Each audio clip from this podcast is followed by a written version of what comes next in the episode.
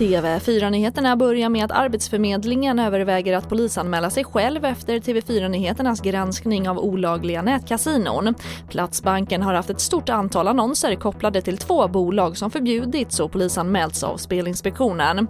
Att främja olaglig spelverksamhet genom grov oaktsamhet är ett brott som kan leda till fängelse.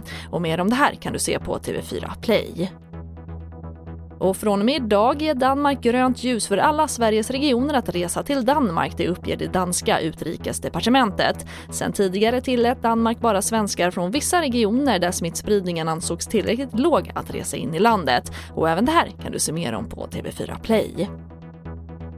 Och antalet hemförlossningar har ökat markant som en följd av coronapandemin, det uppger Svenska barnmorskeförbundet för SVT.